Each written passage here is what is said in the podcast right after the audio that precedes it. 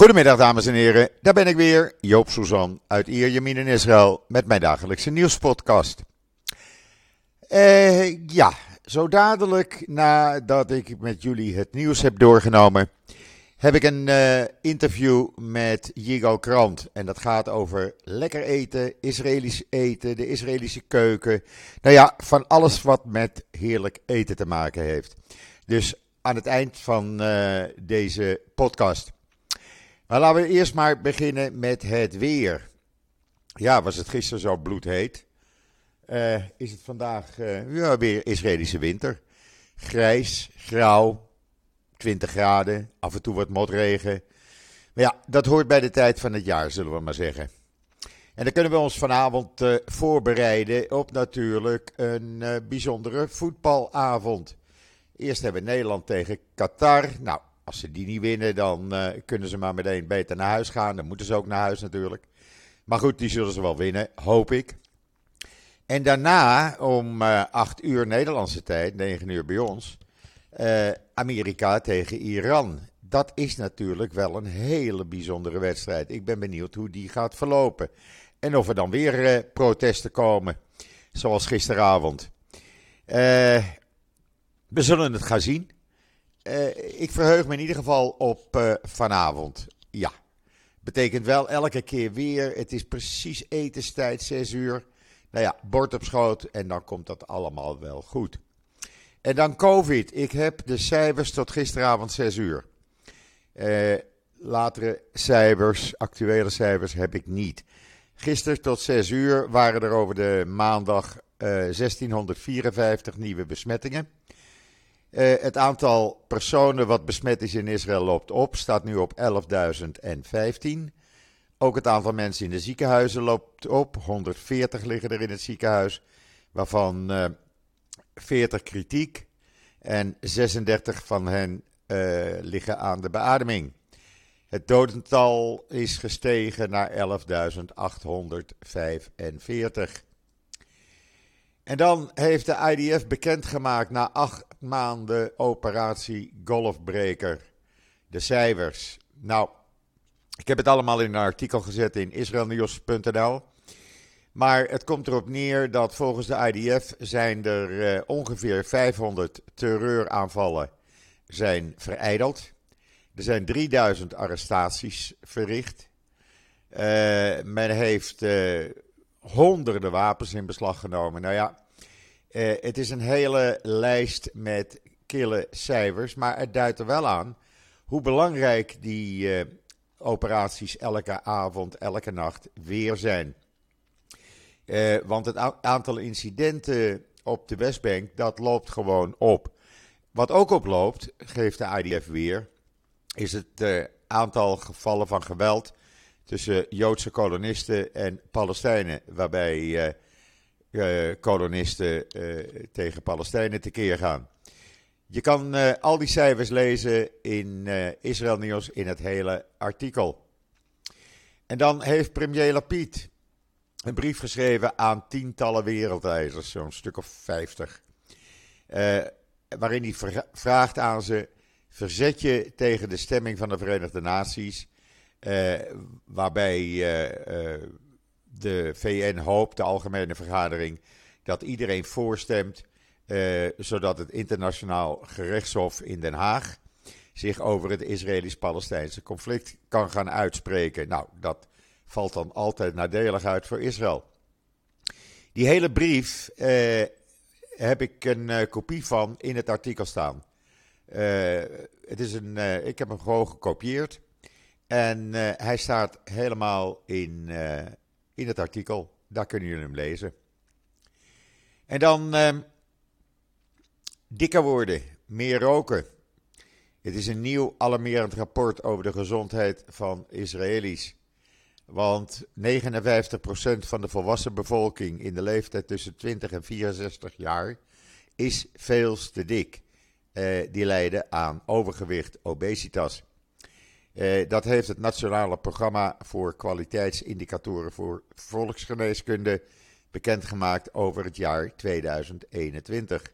Daarnaast is het aantal rokers in Israël gestegen van 19,6% naar 20,1%. En is er ook een behoorlijke toename van het gebruik van antibiotica. Eh, ja, hoe dat nou komt, dat weet niemand. Nou waren er in Israël altijd al veel mensen erg dik. Maar het valt de laatste, het laatste jaar wel erg op, moet ik zeggen.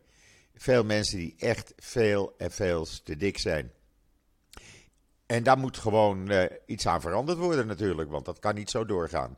Lees het in israelnieuws.nl. Ja, en dan uh, heeft, heeft de IDF en de veiligheidsdiensten ook de afgelopen nacht weer jacht gemaakt op terreurverdachten. Ze hebben er niet zoveel op gepakt afgelopen nacht. Het zijn er maar twee geweest. Uh, maar goed, uh, is altijd beter dan niets, zullen we maar zeggen. Uh, ik heb het de laatste tijd veel gehad over het buitenspel zetten van het Hoge Rechtshof. En ik kreeg daar constant vragen over. En mensen die het allemaal beter wisten, dat dat helemaal geen probleem is. Nou, we hebben in Israël een organisatie die heet Israel Democratic Institute. En die uh, bewaakt eigenlijk alles wat met de democratie te maken heeft. Die hadden een heel artikel online gezet waarom het gevaarlijk is om het Hoge Rechtshof buiten spel te zetten. Of met andere woorden, de override-clausule van kracht te laten worden. Uh, waarom is dat gevaarlijk? Omdat in Israël, uh, je kan het hele artikel lezen natuurlijk op israelnieuws.nl. Uh, in Israël is het Hoge Rechtshof de enige rem op de macht van de politieke meerderheid. Gezien de unieke situatie van Israël, er zijn geen andere mogelijkheden waarop uh, uh, de politieke meerderheid wordt gecontroleerd, zou een override-clausule, oftewel het buitenspel zetten van het Hoge Rechtshof, het land grondwettelijk gezien tot een van de zwakste democratieën ter wereld maken. En dan leggen ze het nog netjes uit. Mensenrechten en minderheden zouden geen effectieve bescherming meer hebben tegen de meerderheid. Nou, dat wordt helemaal uitgelegd in dat artikel. En ik dacht, weet je wat, ik ga hem vertalen en ik zet hem gewoon één op één online. Eh, dan hoop ik dat iedereen begrijpt waarom ik mij daar ook constant tegen verzet. En waarom dat dus gevaarlijk is. Het wordt haarfijn uitgelegd. Uh, ik zou zeggen, als je erin geïnteresseerd bent, lees het even in uh, israelnieuws.nl. En dan het Sarah Zedek Medical Center in Jeruzalem heeft voor het eerst een Parkinson-patiënt met deep brain stimulation behandeld. Dat is een uh, primeur, het is een nieuwe procedure. Uh, het is bedoeld om tremoren bij Parkinson, uh, primaire tremoren en andere neurologische aandoeningen te stoppen. deep brain stimulation, oftewel DBS, werd in 1997 al door de FDA in Amerika goedgekeurd. en mag dus gebruikt worden. Nou, ze hebben dus met uh, behulp van de nieuwste generatie apparatuur, uh, een speciaal navigatieapparaat en uh, nog wat speciale spullen, hebben ze dus nu de deep brain procedure uitgevoerd. En de eerste die behandeld werd daarmee was een man van 70, die al meer dan 20 jaar aan Parkinson lijdt. En ja, ik wil niet zeggen hij is genezen, maar hij kan weer functioneren. Het hele verhaal in Israël Nieuws. En dan de huurprijzen in de klasse A kantoortorens in Tel Aviv dalen. En dat komt door de crisis in de high-tech. Steeds meer start-ups en kleine high-tech bedrijven ontslaan mensen, hebben dus minder kantoorruimte nodig. En inmiddels is de kantoorruimte in die luxe kantoortorens met 8% gedaald. En het zal nog wel even door gaan zetten. Eh, ook dat kan je helemaal lezen in israelnieuws.nl. Kijk, veel bedrijven natuurlijk, eh, die, eh, ja, die kregen genoeg investeringen, vonden genoeg investeerders, het kon niet op, konden huren wat ze willen tegen elke prijs. Maar ja, nu gaat het slecht in de high-tech en eh, ja, dan eh, raken de centjes op. En dan moet je dus eh, uit je kantoorruimte. En dat is dus nu in Tel Aviv aan de gang. Of er nou een grote leegstand komt, dat valt op dit moment nog niet te overzien. En dan kreeg ik toegestuurd van eh, KKL JNF foto's van 100 jaar hun hoofdkantoor in Jeruzalem. En daar hebben we dus een artikeltje van gemaakt en de foto's online gezet. Ik denk dat uh, de meesten het wel leuk vinden. Ga maar even kijken in israelnieuws.nl. En dan was er vanmorgen weer een uh, car ramming in de Westbank. En daarbij is een, een vrouw ernstig gewond geraakt. ze is naar het ziekenhuis gebracht en wordt op dit moment geopereerd. de man die uh, tegen haar aan was gereden, bewust tegen haar aan was gereden, was een uh, eh, 45-jarige Palestijn. Hij is neergeschoten. Of hij dood is, zegt de IDF niet. En dan is er een, ja, een, een, een, verschrikkelijk rapport eigenlijk naar buiten gebracht door de staatscontroleur. 38% van de vrouwelijke gevangenbewakers en vrouwen die in de gevangenis werken en 38% van de vrouwen bij de IDF worden seksueel lastiggevallen. Die hebben daar uh, grote problemen door. Bij de politie ligt dat rond de 25%, staat in de Jeruzalem Post. En dat zijn toch wel cijfers waar ik even van opkijk. Dat had ik niet verwacht. Ik vind dat toch wel een kwalijke zaak. Ik vind uh, iedereen heeft recht op zijn eigen uh, privacy. En of je nou man of vrouw bent, je blijft met je poten van iemand anders af. Uh, en ik begrijp dat dus niet. Dat het in de gevangenissen voorkwam, dat was al bekend. Ook natuurlijk uh, door die, dat wat verleden jaar plaatsvond, die zes of zeven gevangenen die ontsnapten, die naar gepakt werden en waarna bleek dat ze dus gevangen bewaaksters hadden verkracht. Uh, en geforceerd tot allerlei handelingen. Uh, bij de IDF was het ook bekend, daar worden regelmatig officieren gearresteerd. Maar deze cijfers, ik vind ze nogal hoog. Ik, uh, ik schrik daarvan. En dan, ja, er was vannacht weer geweld op de Westbank. En hoe kwam dat? Twee jeeps raakten, ja, die kregen pech toevallig tegelijk, kwamen vast te zitten. En tijdens de reddingspogingen van die jeeps begonnen Palestijnen te schieten. Daarbij zouden drie doden zijn gevallen volgens de Palestijnen. De IDF uh, eh, onderzoekt dat nog. En twee van die doden zouden broers zijn geweest. Ja, niemand weet waarom opeens vanaf Palestijnse kant geweld werd gebruikt. Want de IDF, het enige wat ze deden was proberen die jeeps los te krijgen.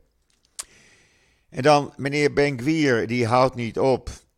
Die, uh, nadat die soldaat gisteren een gevangenisstraf had gekregen, die soldaat die in Gevron uh, uh, linkse activisten gewelddadig had mishandeld. die heeft tien dagen gevangenisstraf gekregen. En Gwier zegt dat de leiding, hij eist van de stafchef en het hele commando van de IDF, dat ze in vervolg twee keer nadenken voordat ze deze straffen uh, toedienen. Het kan niet zo zijn, zegt Gwier, dat anarchisten langskomen en onze heldhaftige soldaten vervloeken en spugen. En bespugen, sorry. Uh, hij vindt het niet redelijk, het is onevenredig en het is ongepast en niet juist, zegt Ben Nou, dat wordt dan nog wat als deze man uh, de baas is over grenspolitie en bepaalde IDF-eenheden. Dan uh, zou er ruzie zijn geweest gisteren tussen Aryeh Deri en Netanyahu. Deri zou Netanyahu uitgescholden hebben omdat Netanyahu afspraken uh, niet nakwam. Hij heeft ze gewoon verbroken of zei van heb ik nooit gemaakt een afspraak met jou. Nou, als Deri dat nog niet wist, hij kent hem nu zo lang, van Netanyahu is bekend dat hij uh, heel makkelijk van afspraken afstapt. Maar het staat in de Times of Israel en ik geloof dat direct, zal ik maar zeggen. wel schijnt het zo te zijn dat de Likud met de partij van Smotrich zo goed als rond is en dat er een coalitiedeal tussen die twee partijen vandaag of morgen getekend zou kunnen gaan worden. Uh, op dit moment wordt er weer onderhandeld, maar Netanyahu heeft nogal haast. En dat heeft te maken met het vervangen van de voorzitter van de Knesset, omdat de wetten moeten worden veranderd en aangepast. En dan moet je wel een andere voorzitter hebben. Want de huidige voorzitter voelt er weinig voor om mee te werken daaraan. Dus ja, eh, er wordt druk uitgeoefend, ook door Benkwier op Smotrich. En uiteindelijk is Smotrich over, staf, over stag gegaan. En dan verschijnen de berichten in de Israëlische pers dat uh, Likud ermee ingestemd heeft om een wetsvoorstel goed te keuren. Waarbij mensen die tot het Jodendom bekeerd zijn bij niet-orthodoxe rabbijnen, daar wordt de bekering uh, niet erkend meer. Dat zou een probleem gaan geven voor tienduizenden, misschien wel honderdduizenden Russen, onder andere. Maar ook Amerikanen. Uh, en die mensen zouden dan opeens niet Joods meer zijn. Alleen maar omdat die ultra-orthodoxe partijen dit eisen van de Likud, willen ze meedoen, onder andere met de regering van Netanyahu. Het hele verhaal daarover kan je lezen in de Times of Israel, maar ik, uh, ja, ik vind dat geen goede zaak. Maar goed, dat is mijn mening. En dan 55% van de Israëli's wil dat de IDF terroristen dood, ook als die geen bedreiging uh, vormen. Uh, dat is een uh, behoorlijke stijging ten opzichte van 2018. Toen was het slechts 37 procent. Uh, bovendien steunt ongeveer 45,5 procent van de Israëli's dat je op de burgerbevolking in Gaza mag schieten om te voorkomen dat er raketten op Israël worden afgevuurd. En dat betekent een stijging van, ten opzichte van 2018, want toen was het 27,5 procent. En een ruime, sorry, een ruime meerderheid, 71 procent, jawel, van alle Israëli's steunt het geven van de doodstraf aan terroristen als ze zijn veroordeeld voor moord. In 2018 was dat nog 63 procent. En daarentegen vindt slechts 63% van de Israëli's dat de IDF ervoor moet zorgen dat de militaire operaties van de IDF niet in strijd zijn met het internationale recht. In 2018 was dat nog 80%. Dus ja, men, uh, men gaat een beetje gemakkelijker uh, de IDF eh, laten optreden, laat ik het maar zo zeggen. ja, of je daar nou blij, moet zijn, blij mee moet zijn, ik weet het niet. 71% van de Israëli's prees de gevechtsgereedheid van de IDF. 77% prees, het uh, morele gedrag. Uh, wat betreft gendergelijkheid, uh, dat is gedaald van 50% naar 36% die daarvoor is. ja, dat is de invloed van de ultra-orthodoxie, zullen we dan maar zeggen. En dan hebben we, even kijken, ja, we hadden nog meer. Ik had nog iets wat ik met jullie wilde delen. Oh ja, waar Israël een beetje van uh, overstuur is, uh, geschrokken ook, een 84-jarige vrouw in Haifa, die werd door een inbreker gewoon neergeschoten in haar eigen woonkamer. Ze is gelukkig niet ernstig gewond, ze ligt wel in het ziekenhuis. Maar ze is nu wel bang om naar huis te gaan. Het kan je lezen in de Engelstalige Ynet. Uh, waar je ook kan lezen dat uh, die man die met die, uh, met die uh, vlag gisteravond over dat veld liep in Qatar, die heeft het al vaker gedaan in 2014. hij is ook naar Oekraïne geweest om vluchtelingen te helpen. Er staat een hele fotoreportage in de Engelstalige Ynet met uh, hoe hij dat deed gisteravond. En ik moet zeggen, ik vind het wel een held. Dan zegt voormalig vicepresident uh, Pence van Amerika dat uh, Trump zich moet verontschuldigen voor het diner met antisemieten. Dat was, daarmee bedoelt hij Kane West en Nick Fuentes. En daar heeft hij wel gelijk aan, vind ik. Staat in de Engelstalige Ynet. En dan deze week houden Amerika en Engeland en Israël een uh, gezamenlijke uh, luchtmachtoefening. Waarbij geoefend wordt op het aanvallen van nucleaire installaties in Iran. Dus dan weet u dat daar mee geoefend wordt. En dan, ja, er stond een artikel in de Jeruzalem Post vanmorgen. En, maar dat is alleen voor vrouwen, hè? Dat geldt alleen voor vrouwen, niet voor mannen. Als vrouwen hun libido willen verhogen, dan kan dat. En hoe dan? Nou, er zijn vrouwen die uh, uh, problemen hebben met uh, het, die hebben een laag libido, problemen met het krijgen van orgasme of pijn tijdens de geslachtsgemeenschap. nou, als je nou je libido wil verhogen, meer verlangen en opwinding wil krijgen, uh, dan blijkt uit een Turks onderzoek dat Pilates twee keer per week helpt. Geloof je het niet? Het staat in de Jeruzalem Post vanmorgen. Echt waar. Ik verzin het niet. Uh, dan had ik nog iets voordat ik met Yigal Krant ga praten. Oh ja. Uh, een Israëlisch bedrijf gaat met drones uh, vliegen om benodigdheden naar de grote ziekenhuizen in Israël te sturen. Niet meer over de weg. Dat gaat met drones binnenkort gebeuren. Gewoon op de lange afstand.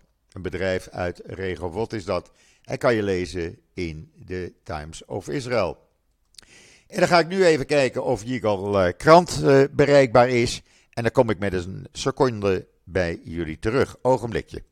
Nou, het is weer gelukt. Ik heb uh, aan de lijn Yigal krant in uh, Amsterdam.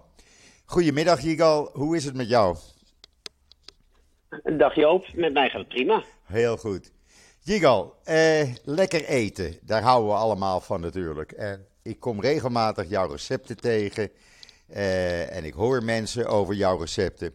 Wat is het bijzondere aan de Israëlische keuken? Om daar eens mee te beginnen. Nou, er zijn heel veel dingen bijzonder aan de Israëlische keuken. Ik, ik beperk me wel voornamelijk tot de keuken van Tel Aviv. Ja.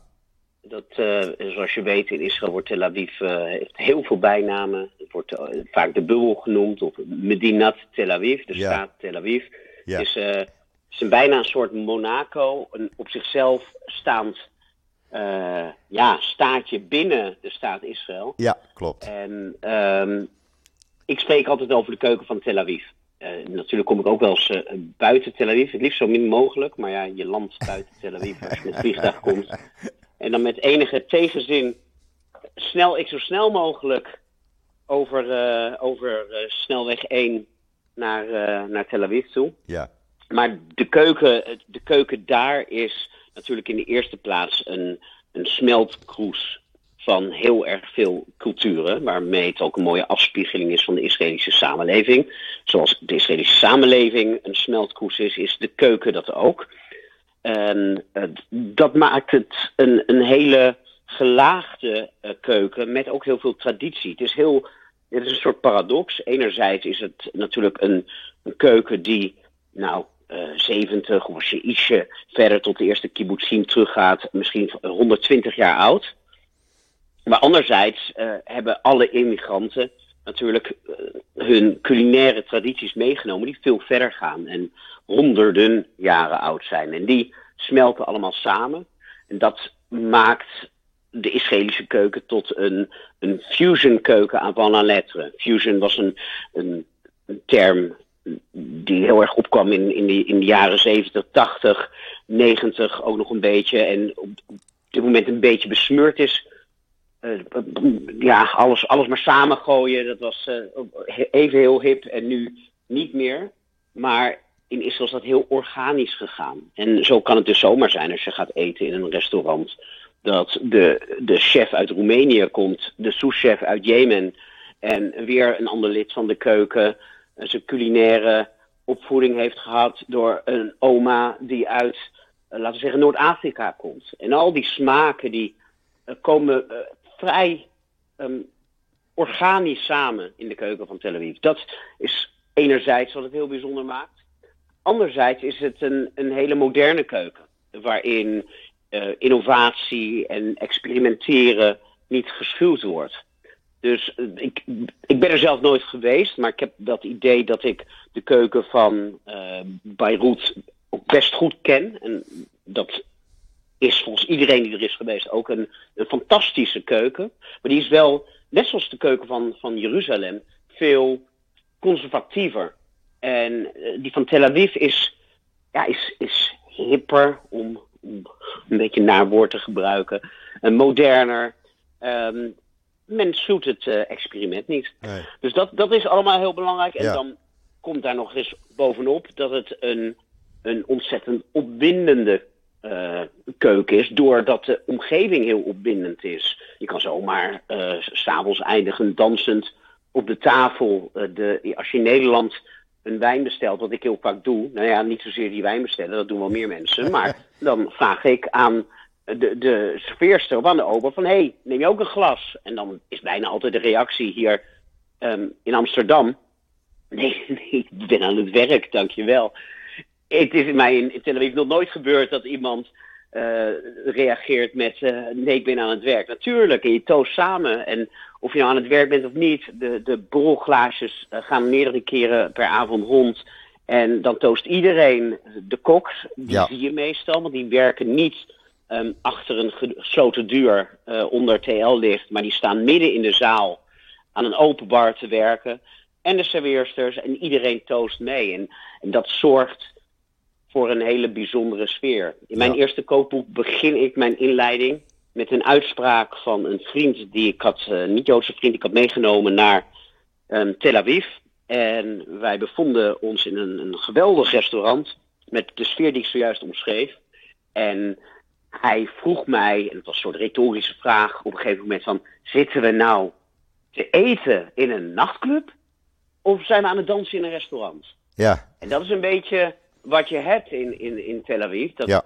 alle vormen van nou ja, uitgaan door elkaar lopen. Het is ook heel normaal voor tieners om uit eten te gaan. Hier in Nederland zie je in restaurants niet, eh, geen, geen jongeren van, van 18, 19, jonge twintigers. Hier is echt iets voor dertigers en veertigers om uit eten te gaan. Daar is het heel normaal. Er staat een, naast de kok staat een DJ plaatjes te draaien. ja. Maar dat geldt voor heel Israël, hè? Dus- Want het is bij mij in de buurt ook, bijvoorbeeld. Als ik naar een restaurant ga hier bij mij in de buurt, zie ik daar ook jonge mensen, eh, tieners, eh, dineren.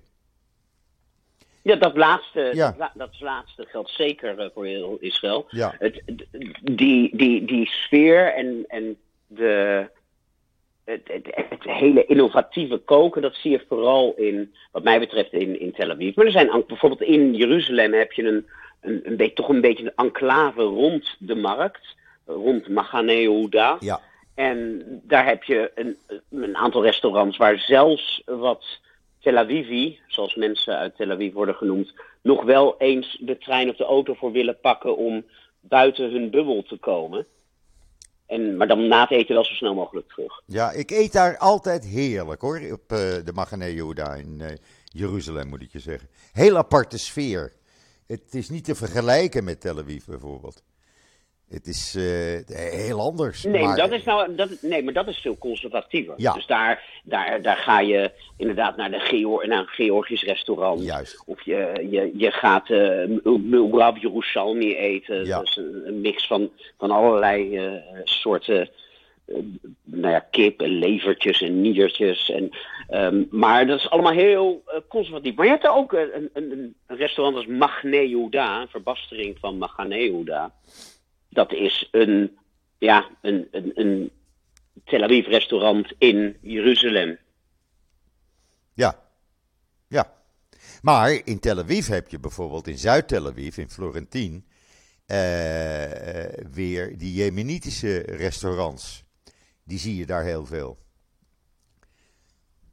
Ja, die zie je toch echt me- wel meer in de Jemenitische wijk Ja, dan in, in Zuid-Tel eh, Aviv. Florentien.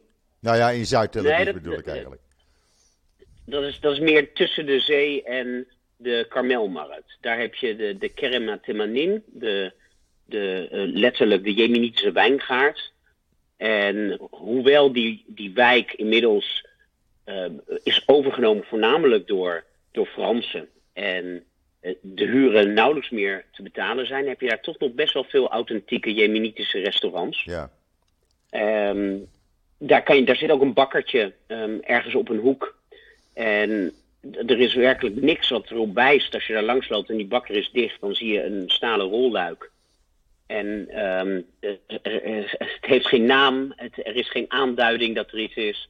Maar um, nou ja, overdag gaat dat rolluik open en dan kan je daar de heerlijkste jagnoen of lagoeg of nou ja, alle Jemenitische lekkernijen kopen. Ja. En, maar dat, dat is ja, vast ook in, uh, in Florentien, maar dat is voornamelijk in de, in de oude Jemenitische wijk. Ja, ja. En wat zijn nu uh, typische gerechten waarvan je zegt, als je in Tel Aviv bent, moet je dat en dat gaan eten? Als mensen naar Israël komen op vakantie en in Tel Aviv zijn, wat zou je ze dan aanraden om eens te proberen? Nou ja, de, de, uh, ik ga je antwoord geven hoor, maar ik heb uh, tussen mijn twee kookboeken in, um, omdat ik deze vraag heel vaak kreeg, heb ja. ik een culinaire reisgids geschreven um, voor Tel Aviv. Okay. Waar ga je nou heen om je boodschappen te doen en waar ga je heen om te eten? Helaas kwam dat gidsje uit um, een maand nadat de uh, corona uitbraak was. Aha. Dus dat, dat gidsje is een beetje ondergesneeuwd door uh, twee jaar niet reizen. Hoe heet die gids? Maar daar staat, daar Hoe staat, heet die gids? Die gids heet ook TLW. Dat is een beetje de, de rode draad die uh, al mijn boeken bindt. Ja. Um, en de ondertitel is De culinaire stadsgids. Oké, okay. nou moeten mensen die uh, aan gaan schaffen maar, als ze op reis gaan. Ja, kijk. de, de, ik, ik, ik, ik lul er een beetje omheen en dat doe ik expres, Ja. omdat het um, een lastige vraag is om te beantwoorden. Juist omdat die keuken zo, zo Divers. innovatief en origineel is, ja. um, kan ik niet, als je s'avonds uit eten gaat, zeggen, nou dan moet je dat gerecht eten. Want die keuken laat zich niet typeren door één, twee of drie specifieke gerechten. Um, in Nederland, als je naar een, een restaurant, een Israëlisch restaurant gaat, dan krijg je daar heel vaak hummus, zoals op zijn Hebreeuws hummus heet, of um, shakshuka, of uh, nou ja, noem, noem maar op falafel. Maar dat zijn, dat zijn zeker gerechten die je op elke straathoek in Tel Aviv kan eten. Ja. Maar dat zijn geen gerechten die je voorgeschoteld krijgt als je s'avonds uit eten gaat.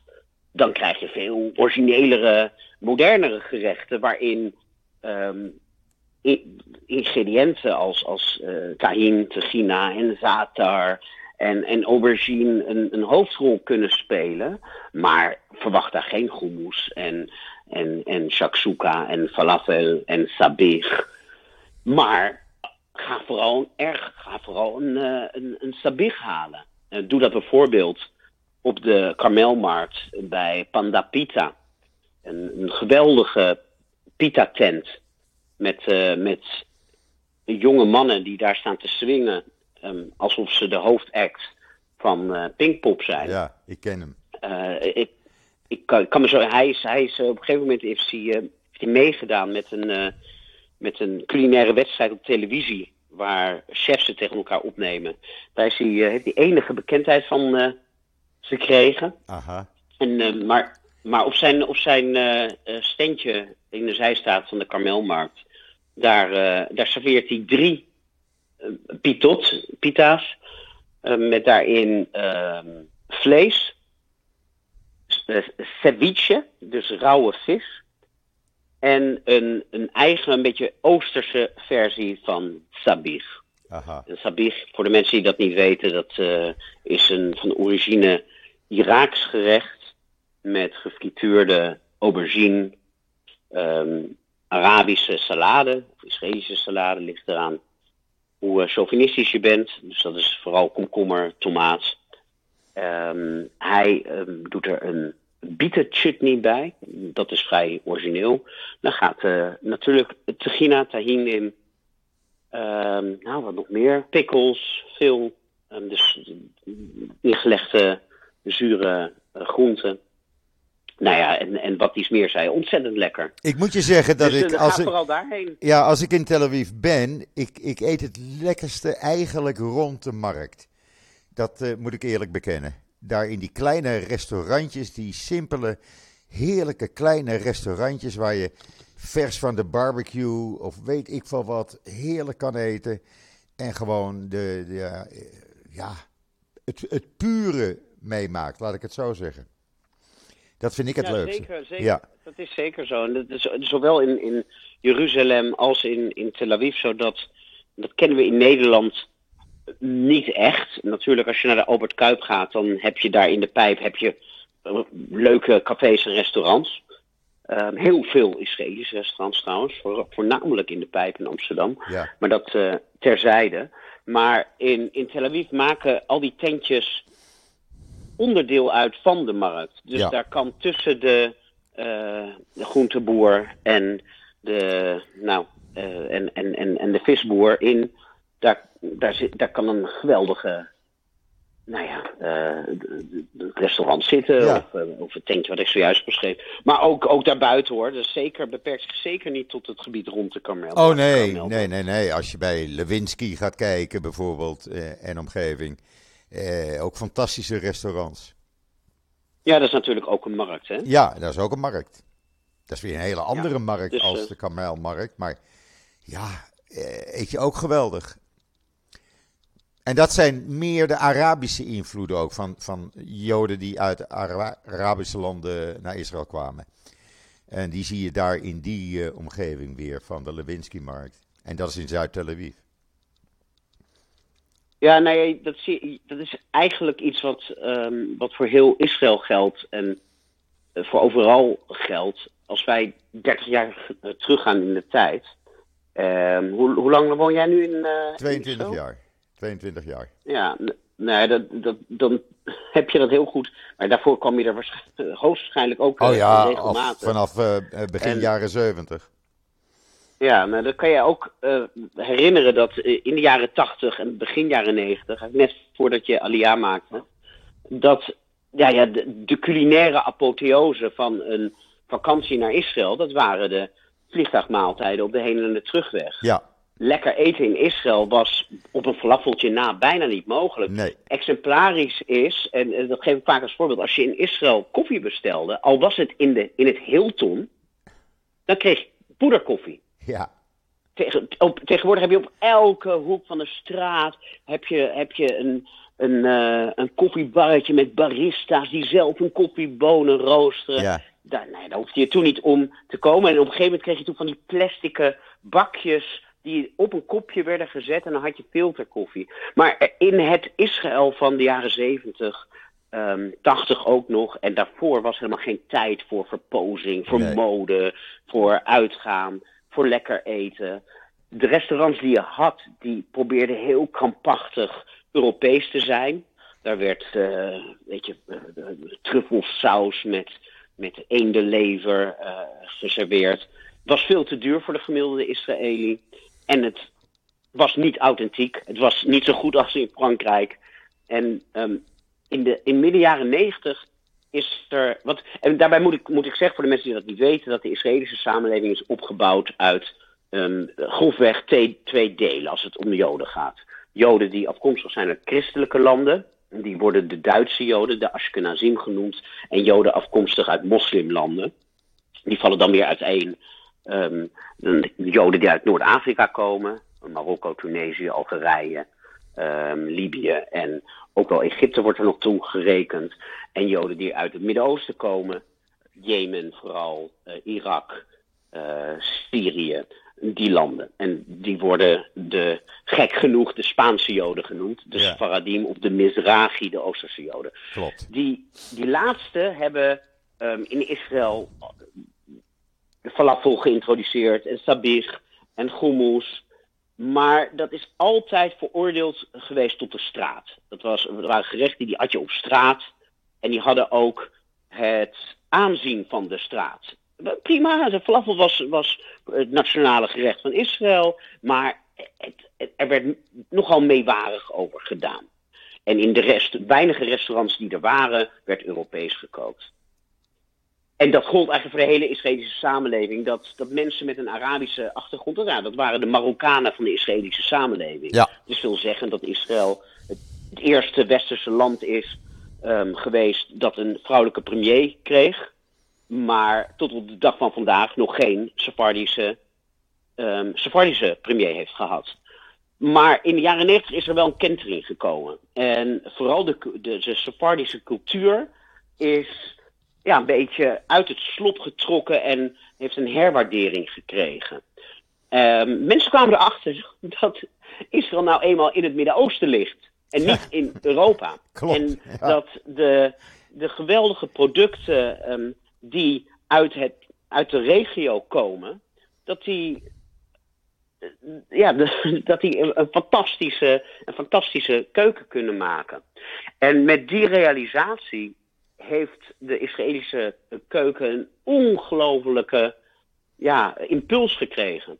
Um, een van de, van, de, van de koks die daar een hele belangrijke bijdrage in heeft uh, geleverd, is uh, Eyal Shani. Die in zijn restaurants Sephardische muziek ging, uh, dus Arabisch klinkende muziek ging, ging draaien. Die de, de ingrediënten um, uit het Midden-Oosten ging gebruiken, zoals zaatar en, en tegina en um, nou, noem het maar op. En um, ja, dat, dat heeft, heeft de, de, de Israëlische keuken gemaakt tot, tot wat hij nu is. En ik, ik vertel een heel verhaal, maar ik denk dat het belangrijk is om te vertellen.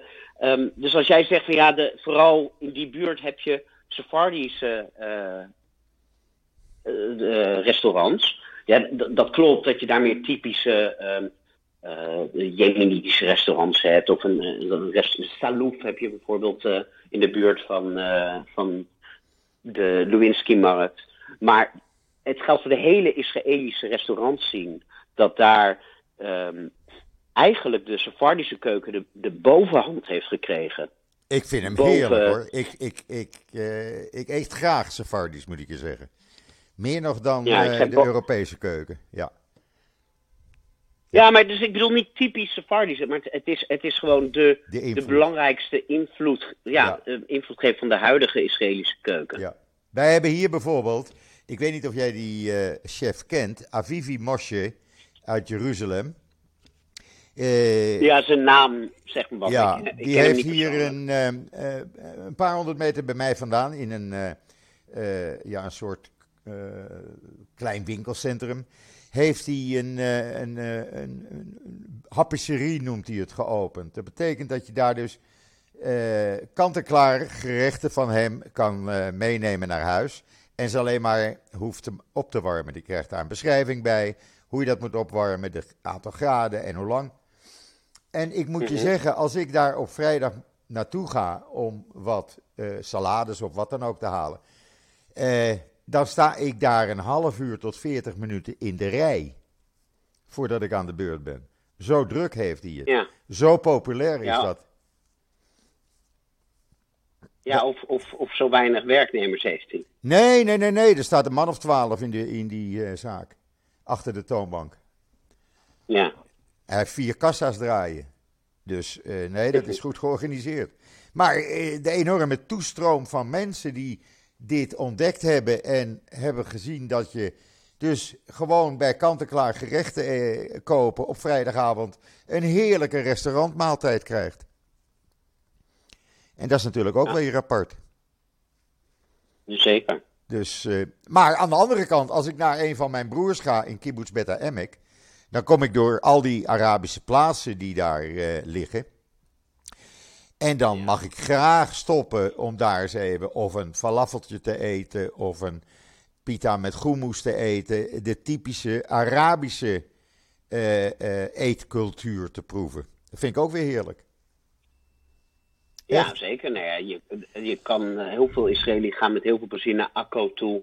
om Abu eh, Abu Gos bij Jeruzalem. Abu, Abu Ghosh natuurlijk, ten westen van Jeruzalem. Ja. Daar gaan alle seculiere eh, mensen uit Jeruzalem, voor zover die nog bestaan, op zaterdag eh hummus eten. Daar zit zo'n Ja. 15.000 tot 20.000 Israëli's op zaterdag te eten.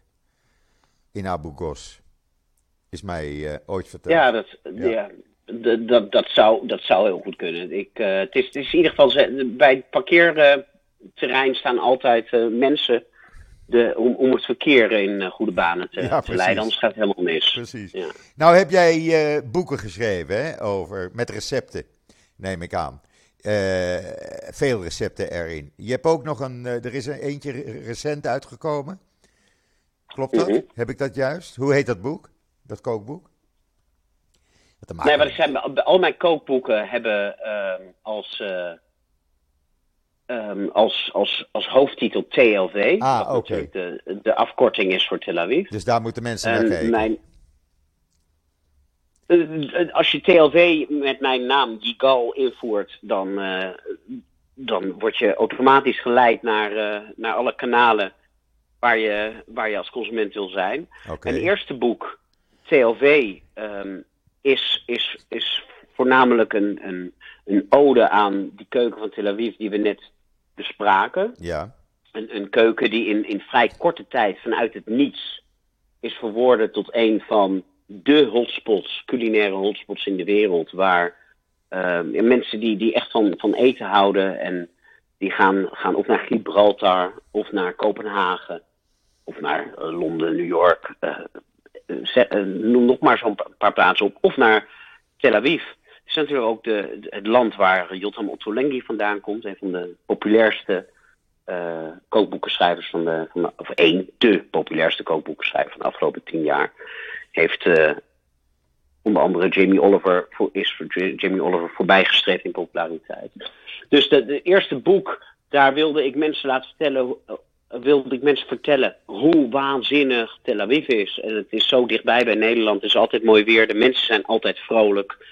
Um, het, is, het, is, uh, het heeft de beste keuken. Dus dat was het verhaal van, van het eerste. Het is een heel succesvol boek geworden. Het heeft het Gouden Kookboek gewonnen. Ja. De, de belangrijkste prijs die één keer per jaar wordt uitgereikt in Nederland voor het beste kookboek. En toen was een beetje de vraag van wat ga ik dan met het volgende boek doen? Uh, ik wilde wel weer een TLW-boek maken. Ik ben in Nederland een beetje Mr. Tel Aviv geworden. Maar anderzijds wilde ik geen flauwe sequel maken. Want dan ja, dan, als je jezelf gaat herhalen, dan krijg je op een gegeven moment Rocky 2, 3, 4. En uh, ja, dat, dat is ook weer zoiets. En toen realiseerde ik uh, me op een gegeven moment. het zijn van die dingen die je weet, maar ja opeens denk van hé, hey, daar moet ik wat mee. Dat Tel Aviv door vriend en vijand wordt erkend als de meest veganistische stad op aarde. Ja. Er is geen stad op aarde waar zoveel vegans uh, leven, Klopt. maar ook waar zoveel veganistische restaurants uh, zijn. En per hoofd van de bevolking, want Tel Aviv is, is een kleine stad, is kleiner dan Den Haag. Um, maar dat vond ik zo'n fascinerend gegeven. Want waarom nou weer dat ene stadje in het Midden-Oosten en waarom niet bijvoorbeeld uh, progressieve steden als, als Portland of, of Berlijn? Waarom, moest dat, waarom is dat ontstaan, die, die, die veganistische revolutie, juist in Tel Aviv? En ik ben ook van huis uit journalist. En ik dacht, daar wil ik mijn vinger achter leggen. En als ik daar nou nou op zoek ga naar het waarom, waarom is het daar ontstaan, dan, dan schrijf ik een, een journalistieke, um, beschrijf ik mijn journalistieke uh, zoektocht in het boek. Maar dan moet het natuurlijk ook een, een veganistisch boek worden. En mijn, mijn eerste boek staan, staan uh, recepten met, met vis en met, met vlees en met kip. Um, en ik vroeg me af, kan ik dat? Kan ik een boek maken dat van het begin tot het eind um, lekker is. En niet alleen lekker, maar super lekker. En waar alles in zit, van, van drankjes tot cocktails, van um, snacks um, tot comfort food, van desserts tot, nou ja, noem het maar op, brood, banket. En die uitdaging ben ik aangegaan. Ik denk dat ik daar um, in alle onbescheidenheid wonderwel in ben geslaagd. Maar het is vooral een, een, een, boek, een leesboek geworden. Ik heb uh, heel veel veganistische uh, voormannen en vrouwen uh, geïnterviewd, ontmoet, gevolgd. En in het boek staan tussen de recepten in acht long reads, waarin de meest uiteenlopende mensen met als overeenkomst dat ze winger zijn geworden, um, worden geportretteerd. En als je al deze verhalen leest, dan begint het je uh, te dagen waarom die revolutie nou juist in Tel Aviv heeft plaatsgevonden. Dus het is, een, het is echt een boek voor um, op het aanrecht in de keuken, maar ook voor op je nachtkastje. Nou, dan uh, hebben we meteen een goede tip voor iedereen, voor alle luisteraars. Voor de komende Sinterklaas en Chanukka-tijd. Dit is een origineel cadeau, zeg ik dan.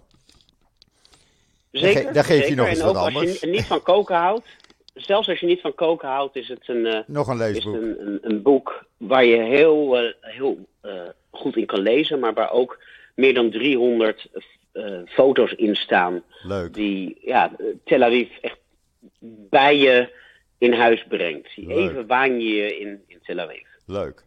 Jigal, ik moet er een eind aan breien, want uh, anders worden we, uh, wordt het te lang.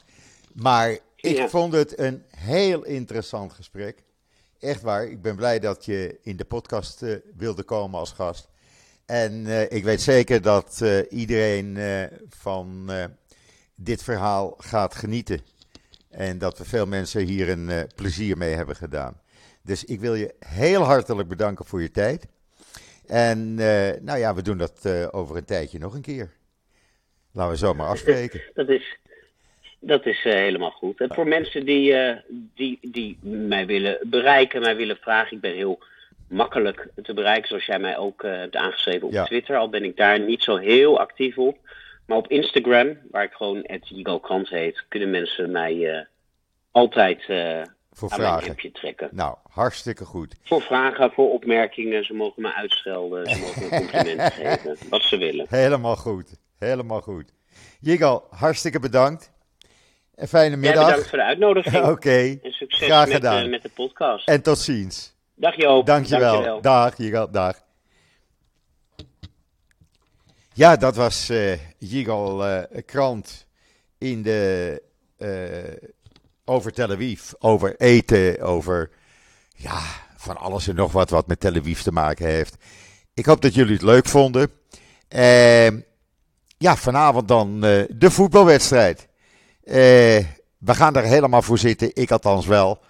En eh, dat belooft echt weer een, hopelijk een leuke voetbalavond te worden.